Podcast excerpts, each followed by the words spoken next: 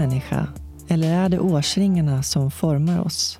Hur påverkar miljöer och människor oss? Hur påverkas våra vägval av våra förutsättningar? Jag heter Jasmine Nilsson. I soluret möter jag människor från alla samhällsskikt och med varje livshistoria belyses olika ämnen. Välkommen till avsnitt 83. Soluret spelas in i Dieselverkstan i Stockholm och görs i samarbete med det internationella hjälpmedelsföretaget Invacare och rullarnas personliga assistans. Idag får ni möta Kristoffer Fernis. Kristoffer var en lovande längdskidåkare i juniorlandslaget när livet tog en brutal vändning efter en bilolycka. Idag är han ståuppkomiker och har bland annat medverkat i Släng dig i brunnen och vunnit tävlingen Grand Comedy Slam i Lund. Här kommer Kristoffer.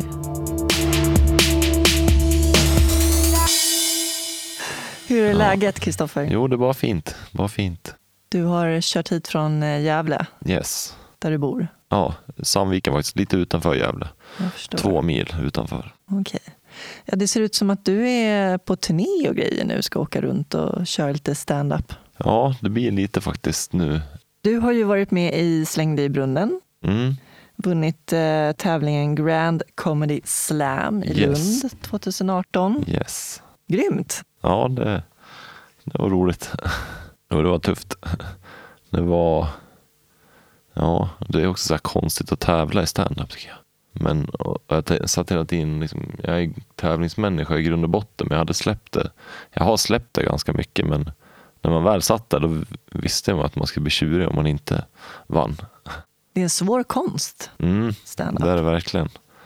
Det, det går lite upp och ner med det. Alltså, mentalt, just nu är i en bit liksom, så här, oh shit, har jag inget nytt roligt att säga men jag har ändå massa idéer och så ska man försöka få till de idéerna. Och det är det som är det svåra och jobbiga men samtidigt det roliga för när man väl lyckas med det då det är en fantastisk känsla. Beskriv den känslan. Vad händer Men- med dig då? Eh, men det är något som liksom så här, jag, jag- är en prestationsmänniska tycker jag i grund och botten och då liksom blir det något att så här, ah, men jag kan det här kanske.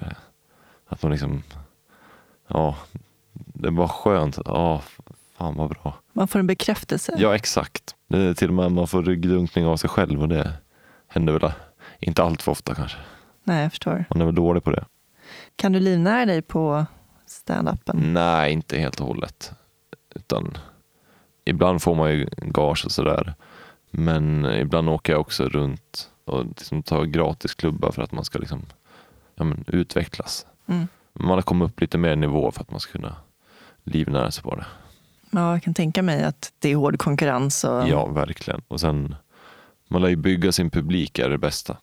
Det är det också svårt att hitta sig själv på scenen. Att man ändå liksom, man skyddar sig själv lite genom att det är tufft att blotta sig helt. Liksom. Mm. Så att det är det man strävar emot också tror jag. Och, och ju mer äkta man är desto mer ser ju folk det. Och då hittar man sin publik fortare. Liksom. Vilken är din publik då? Ja, svårt att säga. Jag vet att många tycker så att det är lite för grovt vissa grejer. Samtidigt är det de som älskar det. Men det är också så här, jag skulle inte kunna peka ut någon viss åldersgrupp eller liksom haft äldre damer till liksom yngre grabbar som gillar mig. Så det är svårt att säga. Men Mm. det är nog, ja, det är som allt annat, tycke och smak. Liksom. Ja.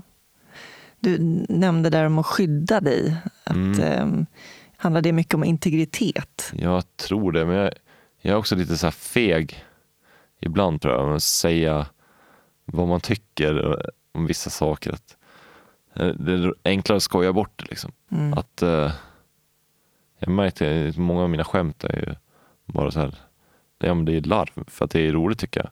Så man behöver inte stå och snacka liksom, vad man tycker och tänker om allt. Men det är också lite roligt för att lära känna en person och veta mer vad de tycker om saker. Så att eh, jag jobbar på det i alla fall. Ja, jag förstår. Men du, jag tänker att vi, vi tar det från början. Mm? Du föddes den 31 augusti Yes. 1987. Yes. Hur var dina första år?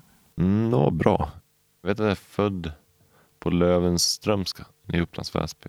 Sen bodde vi i Knivsta i tre år. Eh, Jag, mamma och pappa och så fick jag en lillasyrra där. Hon är två år yngre än mig. Sen vet jag att vi flyttade till Valbo mellan Gävle och Sandviken. Och där bodde vi i tio år. Sen flyttade jag till Årsunda. En mindre ort utanför Sandviken. Himla flyttande. Ja, när jag var liten. Jag spelade hockey, fotboll, lite innebandy. Började åka skidor, längdskidor. Sprang, terränglöpning. Jag gjorde det mesta, friidrott. Mycket sport. Så det är väl där tävlingsmänniskan föddes.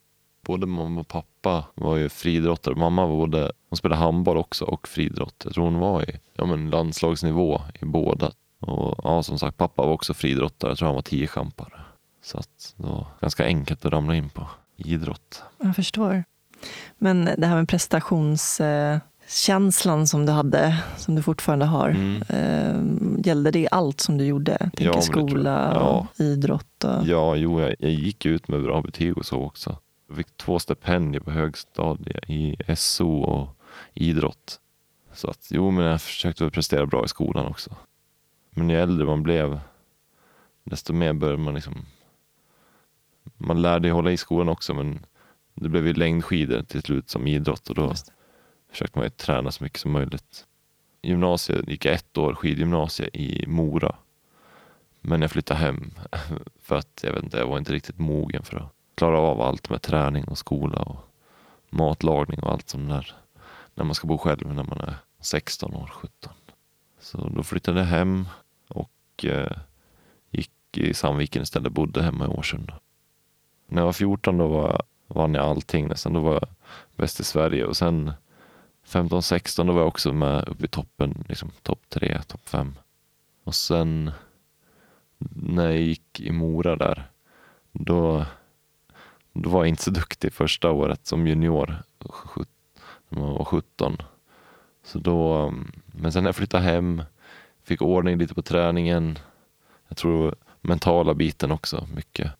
Och då gick det bra igen. Då vann jag SM-silver och kom med i juniorlandslagsgruppen. Tänk vad mammas mat kan göra. Ja, Jag tänkte på det nu, liksom så att varje gång man stack ut och tränade så hade man liksom tävlingar i, i huvudet. Liksom. Att man kunde göra målbilder, liksom, fokusera så mycket bra. Och så när det väl, ja, men när man väl fick något ut av all träning, det var väl samma som, som det att få fram ett bra skämt nu då kan man säga. Att liksom prestationen är, ja, det, det är en bra tillfredsställelse. mm. och en drivkraft kanske. Mm, absolut. Men ibland kan det bli lite jobbigt också, Ja, absolut. när det går överstyr. Ja, Man ställer för höga krav på sig själv. Ja, exakt. När inte kraven motsvarar kapaciteten så att säga. Jag läste någonstans att när man presterar som bäst är när kraven och men ens prestationsförmåga där de möts vid någon axel. Det, det är där man presterar som bäst. Just det. Vad, vad hände med dig när, när du inte presterar som du hade önskat? Ja, då blev jag ganska knäckt. Och då blir det mycket så här. Ja, man tvivlar på sig själv och ja, det är väl inte så bra tankar kanske. Vad hade du för drömmar? OS och VM-medaljör. Så det var det jag siktade på. Men ja, så blev det inte. Du var med om en bilolycka. Yes. Kan du berätta vad som hände? Då var jag och min kompis, jag, men, jag träffade upp honom i Sandviken och eh, han, ja, han, hade en, han var intresserad av bilar, trimma och sånt där. Och jag tyckte också det var coolt med bilar. Eh, I alla fall typ så, ja men det var kul när det gick lite fort och sådär. Det är väl liksom 18-åriga killar, det känns lite sådär att det är häftigt. Eh, så hoppade vi in i hans bil och eh, så såg vi en annan bil som var likvärdig den han var. Då. Så då åkte vi mot dem och så liksom, ja, men, hetsade lite. Så, här. så då, ja, då började väl den bilen köra lite fortare och åkte en sväng. Så körde vi efter och så kom vi till en vändplats och så stannade vi och pratade lite med dem och så liksom Så när vi skulle tillbaka till Sandviken så körde vi om den bilen. Den körde ganska sakta. Så vi körde om den och körde på. Och så kom vi till, det var en stor åker, liksom. vägbanan var bred och sen kom vi närmare stan och då började det smalna av lite. Så mötte vi en, eller vi kom upp i rygg på en bil. Och då min kompis körde, så då gick han ut och tittade så om det gick att köra om, men då kom det möte. Så då gick han tillbaka. Och då kom bilen bakifrån, de andra som jag hade kört mot och körde rakt in i oss bakifrån. Så då puttades vi ut i motsatt körriktning. Och då krockade den mötande bilen in i oss. Jag satt i passagerarsätet och den krockade in i bak, bakom mig. Så våran bil snurrade runt och voltade. Så då eh, fick jag, jag kommer aldrig ihåg vad den heter, men den där stommen som håller upp taket. Pelaren eller vad man ska säga. Då fick jag den över halsen, över nacken. Så att jag, ja, bröt nacken. Då. Och eh, jag märkte att det var fel. För att jag såg att mina händer bara hängde. Och så kände jag att jag inte kunde röra mig. Så jag tänkte så här, åh, Jag kommer ihåg att det var mycket så här, ja vad fan, vad fan, nej, nej, nej, vad fan. Och sen var ja, äh, det är lugnt, får kolla på tv resten av livet. Och sen blev det så här, nej vad fan, vad fan. Alltså, det gick liksom upp och ner med känslorna. Men, men sen, ja, sen kom väl ambulansen och åkte till Gävle. Och du var vid medvetande? Ja, hela tiden. Jag kommer ihåg att jag var så jävla törstig hela tiden, men man får väl inte dricka vatten. Jag vet inte varför. Men så åkte vi dit röntga och så sa de att ja, det här var dåligt, han måste till Uppsala. Och sen fick jag åka taxi till Uppsala. Eller taxi, det fick jag inte. Det var Ambulans. konstigt. Ambulans, ja. Men din polare då, vad, vad Mm. hände med honom? Nej, ingenting. Han fick ont i ryggen. Han var min bästa kompis. Men jag tror inte att... Eh, men det blev inte så att vi blev ovänner för det där. Utan det var väl mer bara att man... Ja, men han kom och hälsade på mycket och så i början. Men sen tror jag att det bara blir att man växer ifrån varandra också. Och så när man bor på olika ställen. Så att... Eh, ja, det hände inget. Vissa tänker så här att eller vissa säger att eh, ja, men, var synd att kunna dela på liksom ett brutet ben var och sådär också. Det hade varit eh, nice kanske. Men, men vissa säger bara, va? Blev bara du skadad? Men det är inte så att jag hade blivit mer glad om någon mer hade blivit skadad. så. Nej men precis. Var liksom, jag har inget emot honom idag. Eller så, utan det, det blir så bara att man växer ifrån varandra. Man glömmer också de andra inblandade. Mm. För de är ju också med om ett trauma. Ja, verkligen. De behöver också hjälp att Ja, ta sig exakt. vidare. Och exakt. du eh, kommer iväg till Uppsala då. Mm. Ehm, är du fortfarande medvetande då? Eller? Mm, hela tiden. Så jag kommer ihåg allting. Som sagt, Ja. det var himla törstig hela tiden. Men jag kommer ihåg att man var i olika rum och sånt där. Och så kommer jag ihåg att ja, men äntligen när man fick operera så att man bara tittade på, det kom några läkare. Jag kommer ihåg att jag tänkte, jag hade hela tiden sagt, sett den här Mr Bean-filmen när han kommer in och ska operera. Så jag tänkte på sådana där grejer, så konstiga grejer. Att han skulle komma in i f- förkläde och operera. Man är ju något så här konstigt morfinrus hela Mm. tiden. Så att det är svårt att skilja på vad som är Ja, verklighet och Ja, men det är konstigt. Det är liksom, det gör inte ont att bryta nacken tyckte inte jag. För jag fick inte ont någonstans. När förstod du eller när berättade de för dig hur pass svårt skadad du var? Ja, det var väl någon gång i Uppsala där tror jag. I början. Men jag var ju också så mycket så här, ja men. Jag var övertygad om att man mentalt kunde, så här, ja men bara man tänker rätt och så, så kommer det alltså, kunna gå bra. Att man bara tänker och jobbar på men, men man börjar ju förstå sen att, eh, ja. Bara för att man är positiv och tänker rätt och allting så kanske inte ryggmärgen läker liksom. Så ja, det var ju tungt också när det var oktober. Det var liksom så här, men det var ju också jobbigt bara att inte kunna åka skidor tyckte jag. Och så liksom, jag kommer ihåg att jag ja, men pratade med en massa kompisar. Ah, gick du på den där tävlingen? Och jag var liksom precis i hårdträning där jag skulle släppa upp den. Jag hann åka en skidtävling den vintern. Och så liksom, det gick ganska bra och kände att ah, men jag har mycket mer att ge. Liksom, jag var så peppad på den vintern. Så sitter man i Uppsala liksom, och håller på att träna på att hålla upp nacken och titta ut på snön och så vet att det är ja, men, juniorkuppen i Åsarna den helgen. Liksom, så här. Och så kommer jag ihåg att jag pratade med, ja, men, med massa frågor. Det gick på tävlingar och sånt fast egentligen kanske inte man var nyfiken fast det hjälpte kanske inte att höra. Sen, ja det var ju OS eh, i Turin 2006 där också. Så började jag kolla på skidor på, så också. Så man var hela tiden, det var så mycket inne i skidorna då. Ja, det var ju fortfarande din identitet. Du Ja, var ju fortfarande exakt. skidåkare. Exakt. Jag tror att jag till och med sa så när, när ambulans kom. Det är jag, skidåkaren. Så här, bara, men fan, det var ingen som vet vem jag. Men man Ja. var ju så här, det var nog liksom, adrenalinet i en själv. Liksom. Mm. Ja, men det var ju det du hade liksom ägnat ditt liv åt. Ja, det var det roligaste jag visste. Så det är klart, då blir ju, blir ju fallet hårdare Ja, exakt. när man inte kan göra det som man älskade att göra. Ja, Och när insåg du det, att du inte kommer kunna fortsätta med skidåkningen? mm, jag vet inte. Det, var- det var nog också ganska tidigt där. Men då tänkte jag också så här. Ja, men det finns ju säkert så här. Så man kan sitta och åka sitski och hålla på. Men ja, det har jag inte gjort. Det är också så här. Lite så här, kan man inte göra det bra ska man inte göra det alls. Mm. Ja, men lite i alla fall med, inte med allt utan men bara med skidor eftersom man var så pass bra. Det blir inte alls samma känsla. Nej, exakt. det är inte samma sak. Exakt. Det sa man till mig också. Jag dansade ju och det Mm. var min passion i livet. Ja. Och det var det jag ville ägna mig åt. Och eh, efter skadan så det var ju så många runt omkring som tyckte att det var så ledsamt att Mm. ja, men så tragiskt att man inte kan fortsätta med det som man var så passionerad Mm. inför.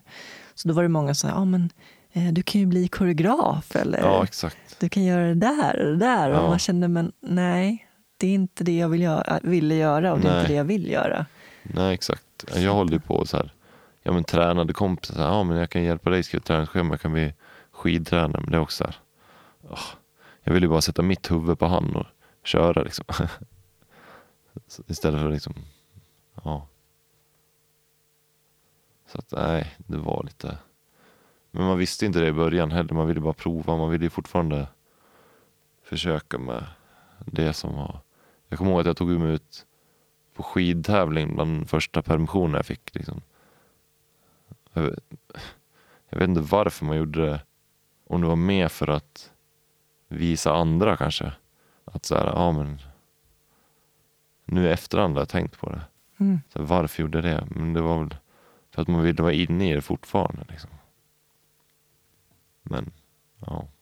Gud vad jag känner igen mig där för att eh, Mm. jag, ehm, jag började ju på mediagymnasium och det var i samma lokaler som Kungliga Svenska Balettskolan. Så att Mm. alla ja, gamla danskompisar och så där, de sprang ju i samma korridorer och så. Mm, Och det har jag också tänkt på så här efterhand, varför utsatte jag mig för det där? Liksom? Det var ju ett bra mediegymnasium så, men ändå, det, det kändes lite onödigt. För jag var inte alls så där att jag ville, jag ville inte gå på dansföreställningar. Eller, nej, utan jag distanserade mig hellre från det. ja. Det gjorde för ont. Mm, så känner jag också nu. Jag tycker jag har kollat på skidor ett tag. Ja, men när jag kände de som åkte liksom. Eh, men det var ändå jobbigt att göra det. Mm.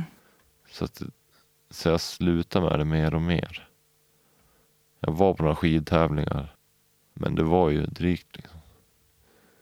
Jag vet inte. Det är inte... Det är inte samma sak när man inte kan göra det på samma sätt. Nej, nej, det är inte det. Det blir något helt annat perspektiv då. Ja. Och när jag har lite... Nu kollar jag inte så mycket alls på skidor. Det är skönt Mm. att inte göra det. det. Det spelar nog ingen roll. Jag tror att det kommer vara så hela tiden. Mm. Att det kommer vara lite... Åh, fan. Jo, men det är väl klart. Det är ju en sorg. Som man, alltså jag, jag personligen känner ju att eh, det är en sorg som jag får leva med hela livet. Mm. Att, att liksom, dansen kommer jag alltid sakna, alltså Mm. kunna uttrycka mig med kroppen. Eh, och det kommer jag aldrig mer kunna göra. Så det är klart att det är en sorg som man får lära sig att leva med. Mm, Men eh, det tar ju tid också. ja. Och det som var mycket tror jag... Jag hade svårt att hitta något...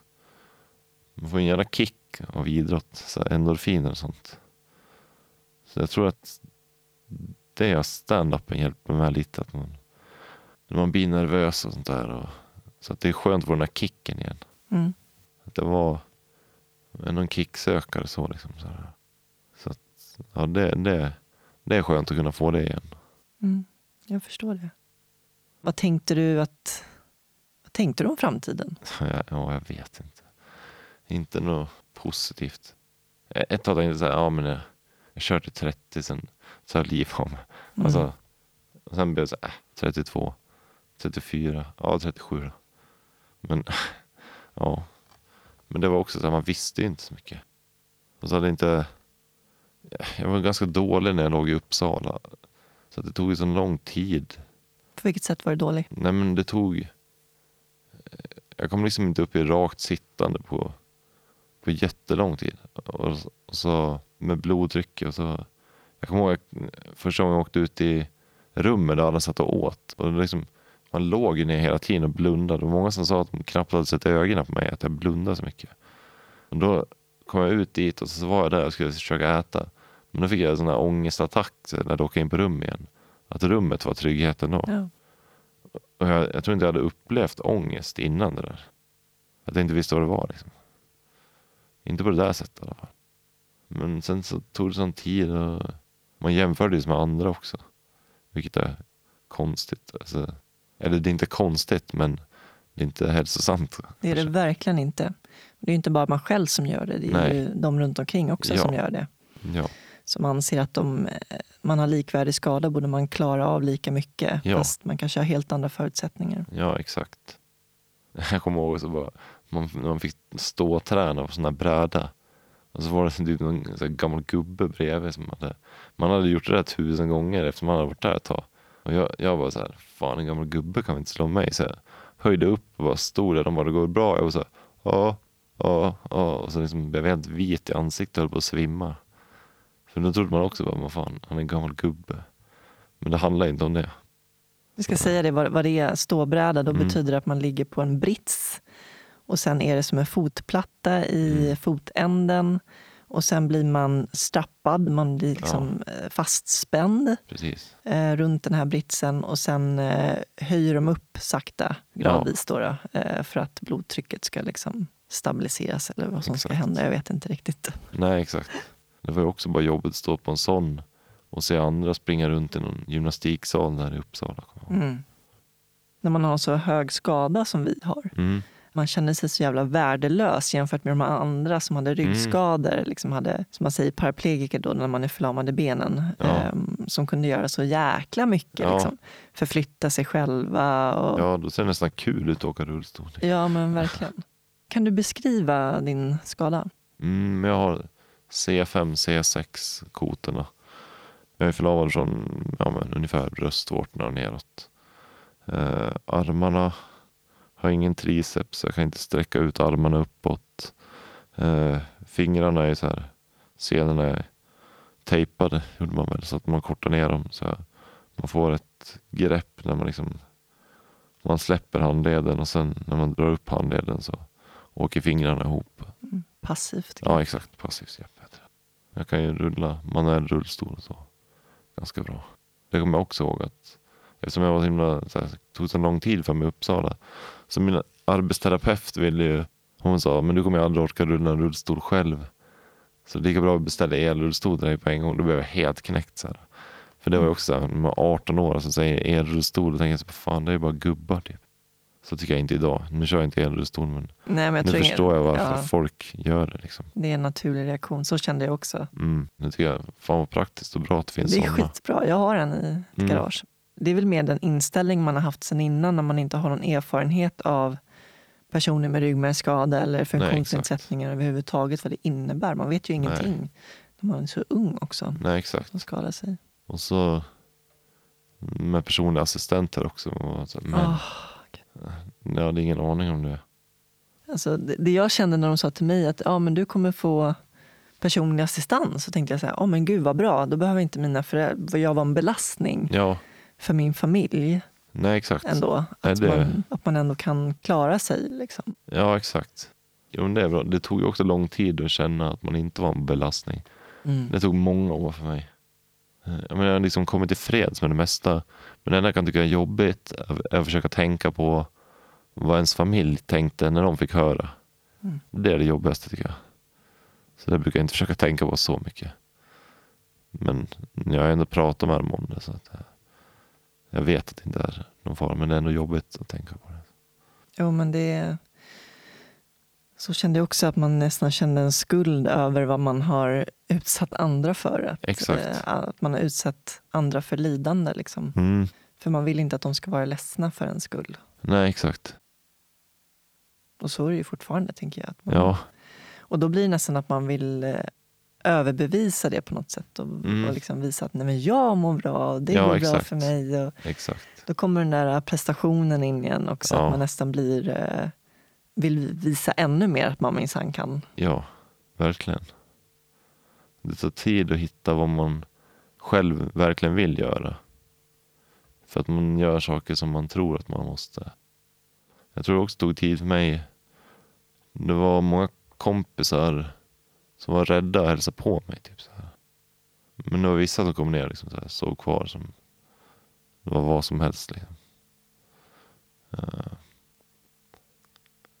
Men, men alla de kompisarna har jag liksom pratat med. Det är vissa som kan säga idag till och med att de ångrar att de inte kom och hälsa på. Men att de inte visste hur det var riktigt. Men det spelar ingen roll för mig. Liksom. Jag, jag tänkte inget om det då heller. Men nu är, nu är jag världens bästa kompisar. Så det, man lär bjuda till själv också. Mm. Att öppna upp sig lite så att de säger att det är lugnt.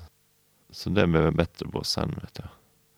Att det var, man kan umgås på fler sätt än att de kommer hem till mig och kollar på film. Liksom. Men eh, efter sjukhuset då? Mm. Vart eh, rehabiliterades du? Jag var först tre månader i Uppsala. Sen tror jag att jag var ett halvår i Sandviken. Men det var också mycket för att de höll på att bygga om huset på slutet. Så jag kommer ihåg att jag skrevs ut samma dag som jag skulle ha tagit studenten. Och mina kompisar bara, ah, men vill du vara med och festa? Så här, Nej, det vill jag inte. Nej. Det, men sen började jag om skolan efter sommaren. Det var också jobbigt att komma till skolan, att alla ska kolla på en och Mm. sådär. Men det var också, jag började i en klass, det var en bra klass, svinbra. Men jag kände ingen där. Men de var hur schyssta som helst. Men det var också att man lärde bjuda till själv och visa lite. Vilket är svårt när man sitter och tänker att hoppas ingen kollar på en. Men jag kan inte ens tänka mig att det har varit så nu. Att det var... För jag kommer ihåg det också, att jag var så himla rädd när jag var ute första gången redan i Uppsala. Eh, bara ute med rullstolen, att man stod i vägen för alla. och sånt där. Oh, Gud, jag känner det. Så kan jag känna än idag, ibland. Mm, nej, jag- jag är mer så tvärtom nu. Mina kompisar, du Stoffe kanske ska akta dig för. Jag vad fan, de får gå runt. Ibland är det så. Jag, är inte, jag, jag beter mig inte som en idiot, men ibland så här, att jag glömmer bort det bara så. så jag Oj, förlåt. Ja. Men i början var det så i alla fall. Ja, då var man ju livrädd att man satt i vägen fast man satt i ett hörn någonstans. Mm. Ja, men det är märkligt det där liksom hur man förminskar sig själv. Mm, Varför gör man det egentligen? mm. Ja, så att man tror att folk kollar. Ja. Ibland är det, det är nästan tvärtom. Liksom. Ja, men är inte det en naturlig instinkt? Man vill passa in. Ja, Man vill ju bara vara en som alla andra. ja, precis. Och särskilt i den åldern. Ja, exakt. Man glömmer bort det också. att Jag var bara 18 när det hände. Mm. Så att, jag menar, man vet ju ingenting då ändå. Än. Ju, ju äldre man blir nu vet jag bara att man blir ödmjukare. I alla fall att det är Mm. bra att bli ödmjukare. Men med, vid 18 är man ju knappt ödmjuk. Liksom. Blev det ännu viktigare för dig att prestera efter olyckan? Mm, lite. För man vill ju fortfarande vara bra på något. Så jag kommer ihåg att det var... ja, Men det gick bra i gymnasiet. Jag fick bra betyg. Jag gjorde bra ifrån mig där. Mm. Och vad tänkte du efter då? Efter gymnasiet? Mm, det var också svårt. Så jag tror jag började plugga direkt på någon kurs där. Men det var ju svårt att plugga på direkt och på universitetet tyckte jag. Hade jobbet med det. Jag läste idrottspsykologi och eh, ekonomi. Sen gjorde jag inte så mycket. Så satt jag hemma mest. Eh, då sa min då sa mamma åt mig att jag måste göra någonting. Jag kan inte bara sitta hemma. Liksom. Så då började jag provjobba på ett ställe som heter Trimtex. Som gör idrottskläder till föreningar. För att det var han som var, hjälpte mig med träningen. Han jobbade på det. Så då blev det lite så här skidor och sånt igen. Men där trivdes jag bra. Så då började jag arbetsträna. Sen fick jag anställning där. Jobba halvtid. Det är viktigt tror jag att man ganska snart får någon slags sysselsättning. Ja. Annars gräver man bara ner sig. Ja, exakt. Och det handlar också om det där med prestationen. Att om du åker till jobbet och är där fyra fem timmar och sen kommer hem. Det känns mm. så mycket godare att titta på tv då. Precis. Nu tar vi en kort paus och ringer upp min samarbetspartner Invacare. Invacare Stina. Hej Stina, det är Jasmin här. Hur är läget? Det är bara fint Jasmin. Hur är du själv? Det är bra tack. Hur är läget på Invacare? Jag tänkte faktiskt berätta lite om en nyhet som vi har och också vikten, igen då som vi har pratat tidigare om, det här med att förebygga trycksår eller tryckskador. Vi har en eh, ny madrass som är helt sprojtans som heter Invasoft. Det är en hybridmadrass och eh, när vi pratar hybridmadrasser så är det madrasser som eh, är utan pump. Egentligen så finns det inte någon sån där äh, allmänt accepterad definition av hybridmadrasser men man, man kombinerar helt enkelt äh, skum och luft för att äh, få max fördelning av trycket och tryckavlastning. Hybridmadrasser de jobbar liksom med tekniken att man förflyttar luften. Det vill säga när personen flyttar sin vikt så flyttar sig luften i madrassen och då får man också en optimal tryckfördelning och det innebär att man har en ökad kontaktyta mot madrassen. Tanken är ju då att man kombinerar material och teknik för att få då en bättre tryckfördelning. Men också att man bygger in att man minskar sjukkrafter, det vill säga glidtryck och eh, att man försöker motverka eh, att man får för hög friktion så att man eh, inte får friktionsskador. Och sen det som också är viktigt idag det är det här med mikroklimat, att kunna hantera temperatur och fukt så att man får en behaglig liggyta och igen motverkar att man får påverkan på huden. Så egentligen, vår nya Invasoft Hybrid är en madrass som är, den är jätteanvändarvänlig. Du packar upp den, lägger dit den och eh, den är klar att använda. Jätteenkel att göra rent och den är uppbyggd i moduler för att kunna hantera alla de olika parametrarna som jag sa. Och jag hoppas ju att den här nya madrassen kommer att kunna hjälpa många utav de som har behov utav en sån här madrass. Och självklart kan man läsa mera på invacare.se. Tack så jättemycket Stina för all info. Vi hörs. Det gör vi absolut. Ha det. Ha det bra. Hej då. Hej. Men eh, du åkte ju också på, eh, som jag även gjorde, eh, rehab i Florida. Mm. Det var väl en ganska avgörande resa för ja. dig på många sätt? Ja, det var det. Då, jag hade alltid varit fascinerad av USA. Från filmer och allt sånt där. Så att, ja, det var grymt kul. Jag kommer ihåg, jag flög dit och så assistenten med mig var helt lyrisk och bara gick och tittade på allting. Och, och så då var det också roligt att träffa massa folk. Som också satt i rullstol. Ja men det är skönt att liksom så här men som att man inte är ensam. Mm. För det känns som att det är så många som är bland de mest öppna man har träffat. Men så då fick jag också smak på att liksom, ja, jag hade inte flugit så mycket innan det eller rest någonting. Så då var det typ så här, ja, det var grymt kul att se att det gick. Då fick du mer smak för att resa? Ja, verkligen. Sen dess gör jag det så ofta jag kan i princip. Mycket i USA också. Mm. Där, jag, vet inte, jag tycker bara det är roligt där ibland åker jag bara så här, ja men jag vill se de här ställena så åker jag dit och så. Men jag försöker också pricka in evenemang. Kanske någon sport eller stand-up eller musik, mycket konserter. Metallica? Ja, mycket Metallica. Så det, ja det är boka många resor för att Metallica spelar någonstans. Det är ju grymt tillgängligt. Ja, exakt. USA. Man vet att det funkar. Ja, exakt. Och ta sig fram framförallt. Precis.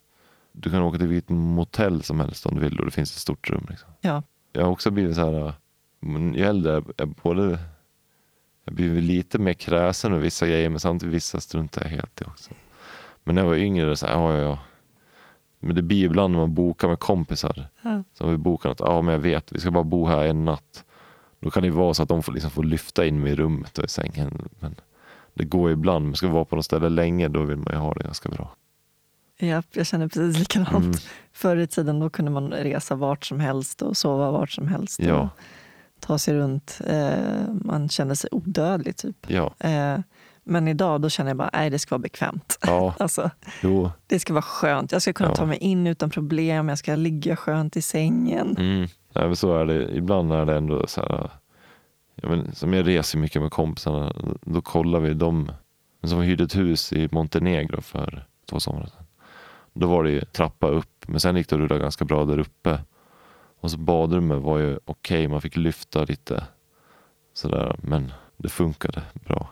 Ja, det gäller att man har muskler med sig. Ja men så är det. Jag brukar ju resa med alltid någon som kan lyfta. Ja. Men du, det här med den personliga assistansen. ehm, hur var det? Var ni så ung också? Mm, det var jobbigt. Jag kommer ihåg hemtjänsten kom först. Då vågade man inte säga någonting heller. Man trodde de vet ju. Så här. Men jag var helt knäckt efter de hade varit och hjälpt mig första gången. Varför var det helt knäckt? Vad hände? Jag vet inte, jag kände mig bara så här. Ja, men det var lite typ så här. Att de kanske tog bort handduken så man låg där naken. Att de liksom inte tänkte på. Integritet. Nej, exakt.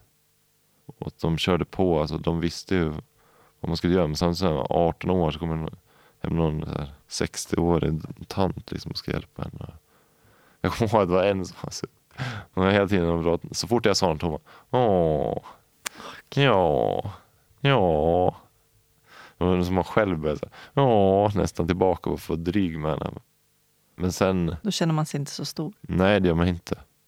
Och då tänkte jag så här, shit ska det vara så här resten av livet? Men så är det ju inte. Sen hade jag turen att få en bra kille bland de första assistenterna. Som var, jag tänkte först så här, om jag kan ha någon som hjälper med, med det här intima. Då kanske jag kan ha någon äldre dam, hemtjänst. Liksom. Men han kom ju, han sa, men jag vill ju lära mig allt. Och så.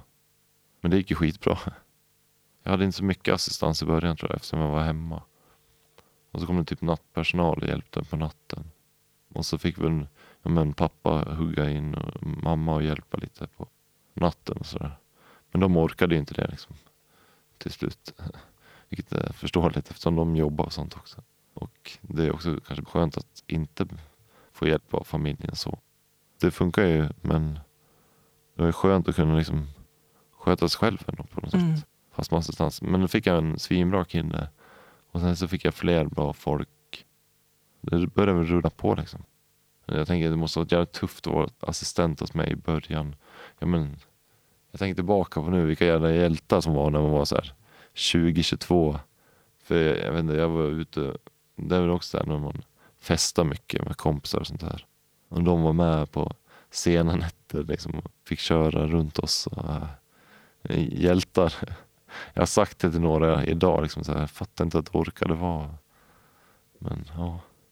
De är fortfarande glada när de ser mig så att det var väl inte bara tokigt. Antar jag. Samtidigt så ju, var ju deras jobb. Ja, exakt. Och eh, du eh, vill ju leva som alla andra. Ja. Men jag förstår vad du menar. Mm. Och det är ju det där igen, liksom, man känner att man inte vill vara ett problem eller en belastning för någon. Och man vill att alla runt omkring ska må bra. Och, Ja, exakt.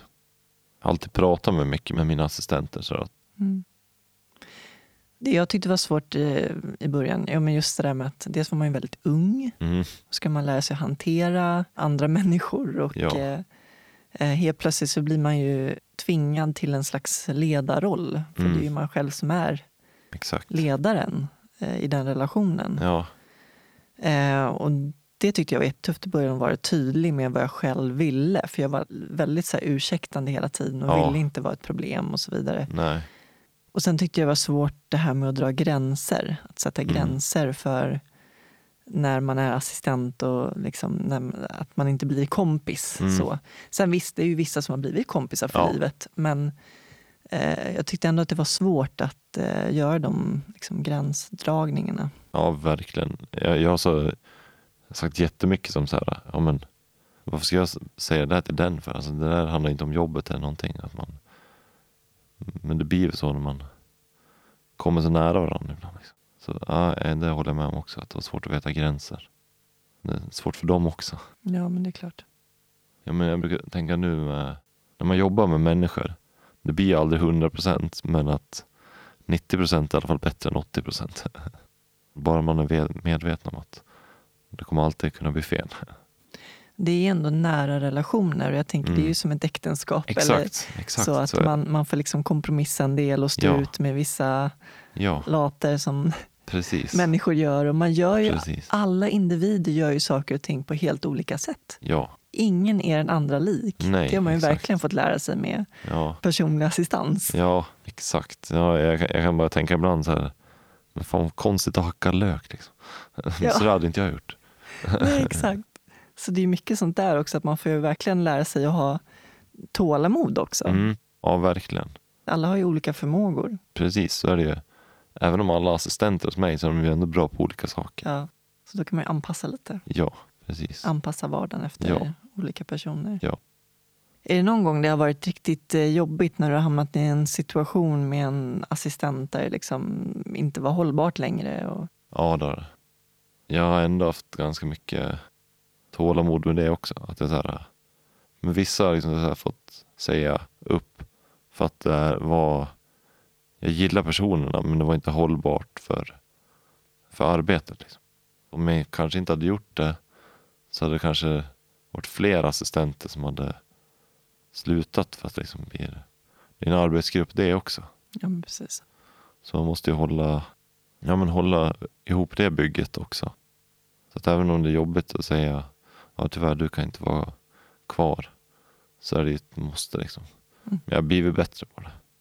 Och så pratar jag mycket. Liksom, så att, jag menar, ibland är jag också så här, "Åh", så här gnällig och sånt. Men och så säger jag till folk att jag blir frustrerad. Liksom, om jag gör någonting och så ramlar jag på golvet. Då blir det så här, åh, jag, jag, jag, jag blir inte det är mest frustrerande och drygt att fan vad jobbigt att hamna här, nu ska jag ta mig upp. Än att jag liksom, jag skäller inte ut assistenten, jag vet typ kanske, Ja ah, men du måste ju göra så här. Och sen säger jag, men ta det inte personligt, jag tycker bara det är jobbigt att hamna här. Men precis, att ha en, en öppen kommunikation hela tiden Mm. så att man kan förstå varandra. Ja, Ja, men det är tufft. Och, alltså jag kände, det tog ju många år innan jag växte in i den rollen. mm, Att kunna hantera assistansen. ja, Men ehm, tillbaka till resandet. Du har ju rest över hela världen. typ. mm, my- mycket. Jag läste också, det var någon gammal intervju med dig, att du hade hoppat eh, bungee jump Ja, det har jag också. Det låter ju helt galet. Ja, det var, det var också så här, hmm, varför gjorde jag det? Var det så här för att ha något att prata om eller var det en rolig grej? Men det var ju en rolig grej. Men jag, vet, jag behöver inte göra om det nu känner jag. det är så här, det var också det var en jävla kick, men det är mer typ för när vi åkte dit, det var i Sydafrika. Eh, vi var i Kapstaden. Så hade min kompis kollat upp så fanns det, ja det är världens högsta från bro, tror 206 meter. Och sånt där. Så var det, jag tror det var sju timmar bilande dit. Så vi bilade sju timmar dit, hoppade, sen bilade vi sju timmar hem. Så det var, men det var roligt. Det var resan var ju också, sitta och lyssna på musik och då var jag och min brorsa och en assistent. Och hur gick det till då, rent praktiskt? Mm, det var det. Jag var ju så här, lär se hur det ser ut och om det går praktiskt och sånt där. Så att eh, man satte fast linan. De andra hoppade ju spännande i benen. Men då hade jag varit tre och en halv meter lång nu om man hade gjort det. Eh, det blev som att man spände den menar, över bröstet och mellan benen. Så att man, linan sitter mellan naveln och bröstet. Liksom. Så man sitter och hoppar. Mm. Jag har ju sett andra som gör det, som hoppar med rullstol och allting. Jag pratade med dem hur jag skulle göra. Men också vad jag tänkte jag, eftersom jag inte orkar hålla upp överkroppen, att om de bara sitter, att jag skulle bli liksom som hängande, som att jag ligger på rygg liksom och inte orkar hålla upp överkroppen, att det skulle bli så för mycket. Ja. Men så blev det inte, utan det blev fortfarande som jag satt. Och sen tog jag händerna och så surrade vi fast dem på andra sidan linan så att jag liksom skulle kunna hålla i linan för att hålla upp eh, överkroppen. Jag tror de bara tog något bungee jump gummi och surrade ihop händerna. Eh, Så de lyfte ur mig i rullstolen så satte de mig på kanten. Jag satte mig ner på kanten och Oh, dinglade med shit. fötterna. Helt förlamad bara. Ja exakt, och sen satt liksom och luta mot en av de som jobbade. Det, det var fan det läskigaste, att sitta på kanten och titta ner 216 meter. Och sen liksom ja, men, puttade de mig över kanten. Fy fan. Ja, Och hur var det när, jag tänker när du rycker till så där hårt? nej det var inte så hårt. Nej. Det var ganska mjukt och sen när jag kom upp, då hamnade jag nästan upp och ner. Mhm. Och sen kom jag ner igen men det blir ju, jag tror fallet är typ sex sekunder också men det blir bara och sen ja, kommer de ner och tar upp en. De hissar ner en kille som drar upp en. Men det, äh, det var grymt. Det var skönt att jag gjorde det först också så var kompisen och brorsan efter. Så. Jag är också lite sådär, um, gillar adrenalinkickar och har alltid sökt efter det. Ja. Ehm, Jag hoppade fallskärm, jag har gjort det Ja. två gånger. Verkligen vilja få den där pirriga Mm. känslan. Men jag fick inte det. Alltså, Det var ju lite läskigt för det var ju tandemhopp såklart. Mm. Eh, och jag kommer ihåg när han hängde sådär vid kanten. Liksom, och man hänger bara på hans mage som en jävla amöba Ja. typ. Och då var det lite så här wow såklart. Men när jag väl hoppade, jag fick inte det där, alltså den där, Nej. nej. Här bungyjumpen, då fick jag i alla fall. Det var, Ja, du fick det? ja, det var, det var blå, viner i öronen. Alltså. Man får ju bara, kan inte andas liksom. Ja. Men det går ju så fort. Har du åkt karuseller och sånt också? Nej, det har jag inte. Nej. Har du det? Ja, Hur är det då? jo, det är kul. Jag åkte på Universal och Disney, Liseberg. Och, Är inte det jättekrångligt att hålla på? Jo, men det är också mina kompisar. De tycker att det är roligt att jag åker så de lyfter i mig. Så får man ju köra två varv för att det tar så lång tid att hoppa i ur. Jag menar benen och allting kan ju fladdra omkring. Mm, men det, det, jag tänker inte så här, det här kanske kan fungera. Utan det är säkert vissa som har fungerat men som jag skippat ändå för att det, man vill inte vara dum. Liksom, Nej. onödigt. Det är väl också ju äldre man blir tänker man till lite mer. Ja.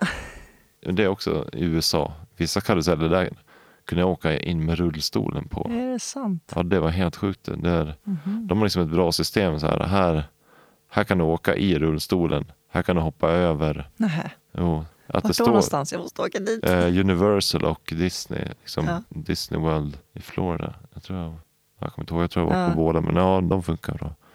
Sen det kommer ju Nintendo World i Japan. Så dit ska jag vilja åka och kolla. Vissa sådana här 3D-grejer är helt sjuka. Mm. Du verkar väldigt alltså, levnadsglad. Jo, det. Jag tror jag hittar ett bra tankesätt. Jag menar, det är, det är ju pissigt ibland alltså. Men det är pissiga stunder, inte dagar, veckor och sånt. Utan liksom.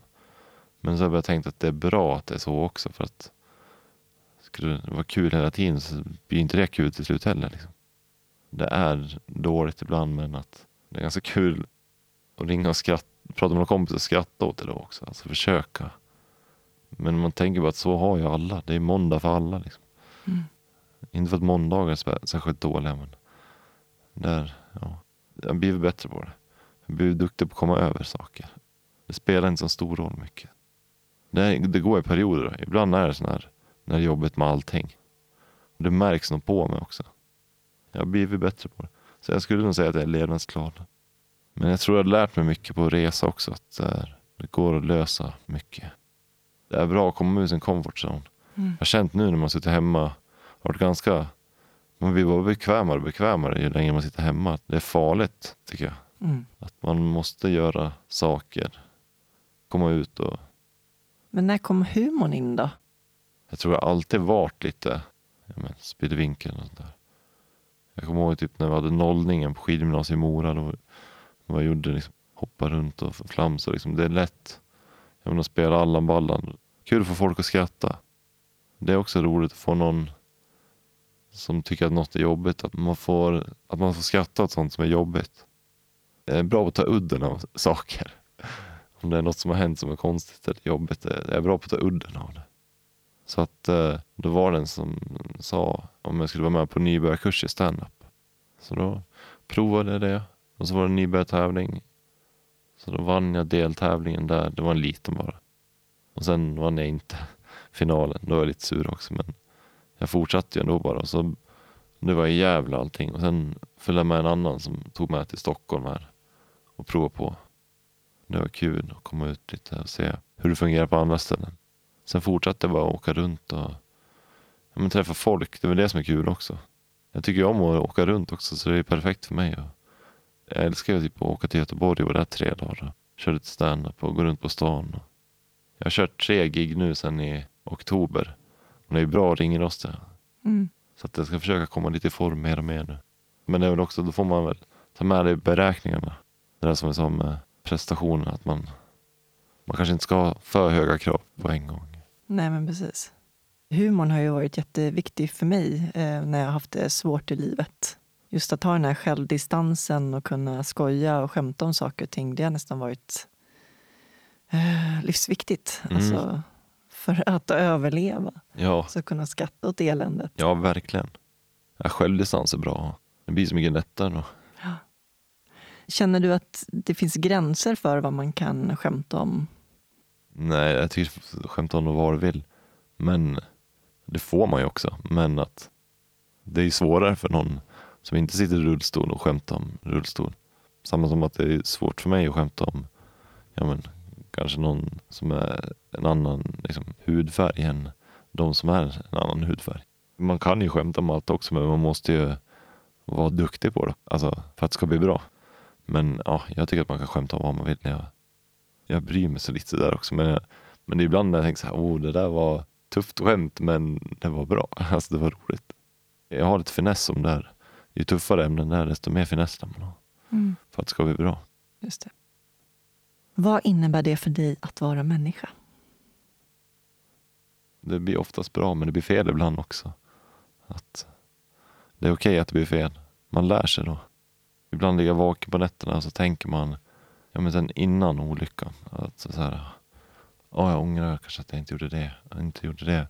Åh, varför gjorde jag inte så? så här, när jag hade kunnat gjort det. Men samtidigt tänka om att jag tänker så. Tänka att ja, men då får jag ju bara ta till mig det nu. Och liksom göra saker nu. Det är väl det som är livet, tänker jag. Att man bara lär sig av sånt som man har gjort tidigare. Så att då får jag väl försöka göra mer grejer nu så att jag inte ångrar det sen. Men man, menar, man kommer ju alltid ångra någonting. Men som sagt, det är väl det som är livet och, och att vara människa. Tror du på ett liv efter detta? Nej, det gör jag inte. När känner du dig fri? Som mest fri när nog efter andra gin och tonicen på ett flygplan någonstans. Då känner jag, när jag sitter på ett flygplan på väg någonstans, det, då känner jag att det här är otroligt. Vad, vad fri man är, vilka möjligheter det finns. Liksom, man känner sig ostoppbar då, tycker jag.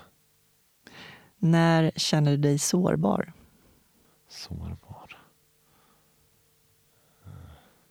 Shit, bra fråga. Jag vet inte riktigt. Det är därför jag försöker använda humorn för att skydda sig. Liksom. Men det är väl kanske... kanske om man ska prata med någon tjej, liksom så här, öppna upp sig. Då är man ju sårbar. Så att, typ kärlek tror jag. Verkligen inte kärlek till kompisar och sånt där. Då är då öser jag ute. Ja, till tjejer är det nog svårt. Vad drömmer du om? Mm. Jag drömmer nog om att ja, fortsätta kunna göra det jag gör idag fast på en högre nivå. Det skulle vara kul att kunna ha en egen publik i stand-up. Så man kan turnera själv. Att jag säljer biljetter. Att underhålla folk. Det, det skulle vara roligt. Och så att jag kan fortsätta resa. Det låter som en bra dröm tycker jag. Mm. Och jag tänker att du behövs på stand-up-scenen. Ja, kul. Jag har några antingen eller-frågor också. Mm. Kaffe eller te? Svårt. Jag tar nog, jag tar nog kaffen. Och, alltså jag dricker mer te, men det, om jag inte skulle dricka något av det skulle jag ta kaffe. Eller då skulle jag ta, fortsätta dricka kaffe. Stad eller landsbygd? Landsbygd, Bok eller film? film, Kött eller grönsaker?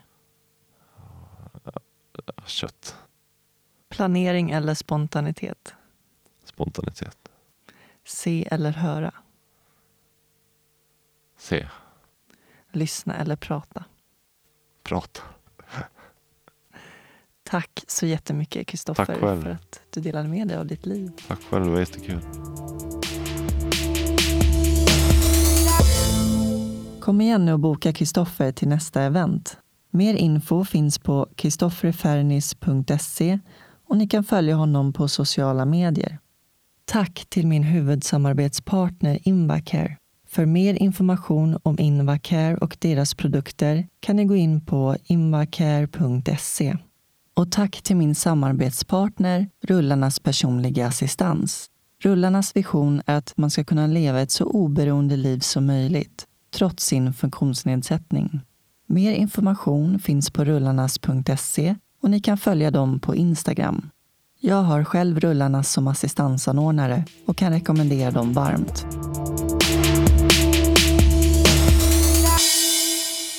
I nästa avsnitt får ni möta Saga Brodersen.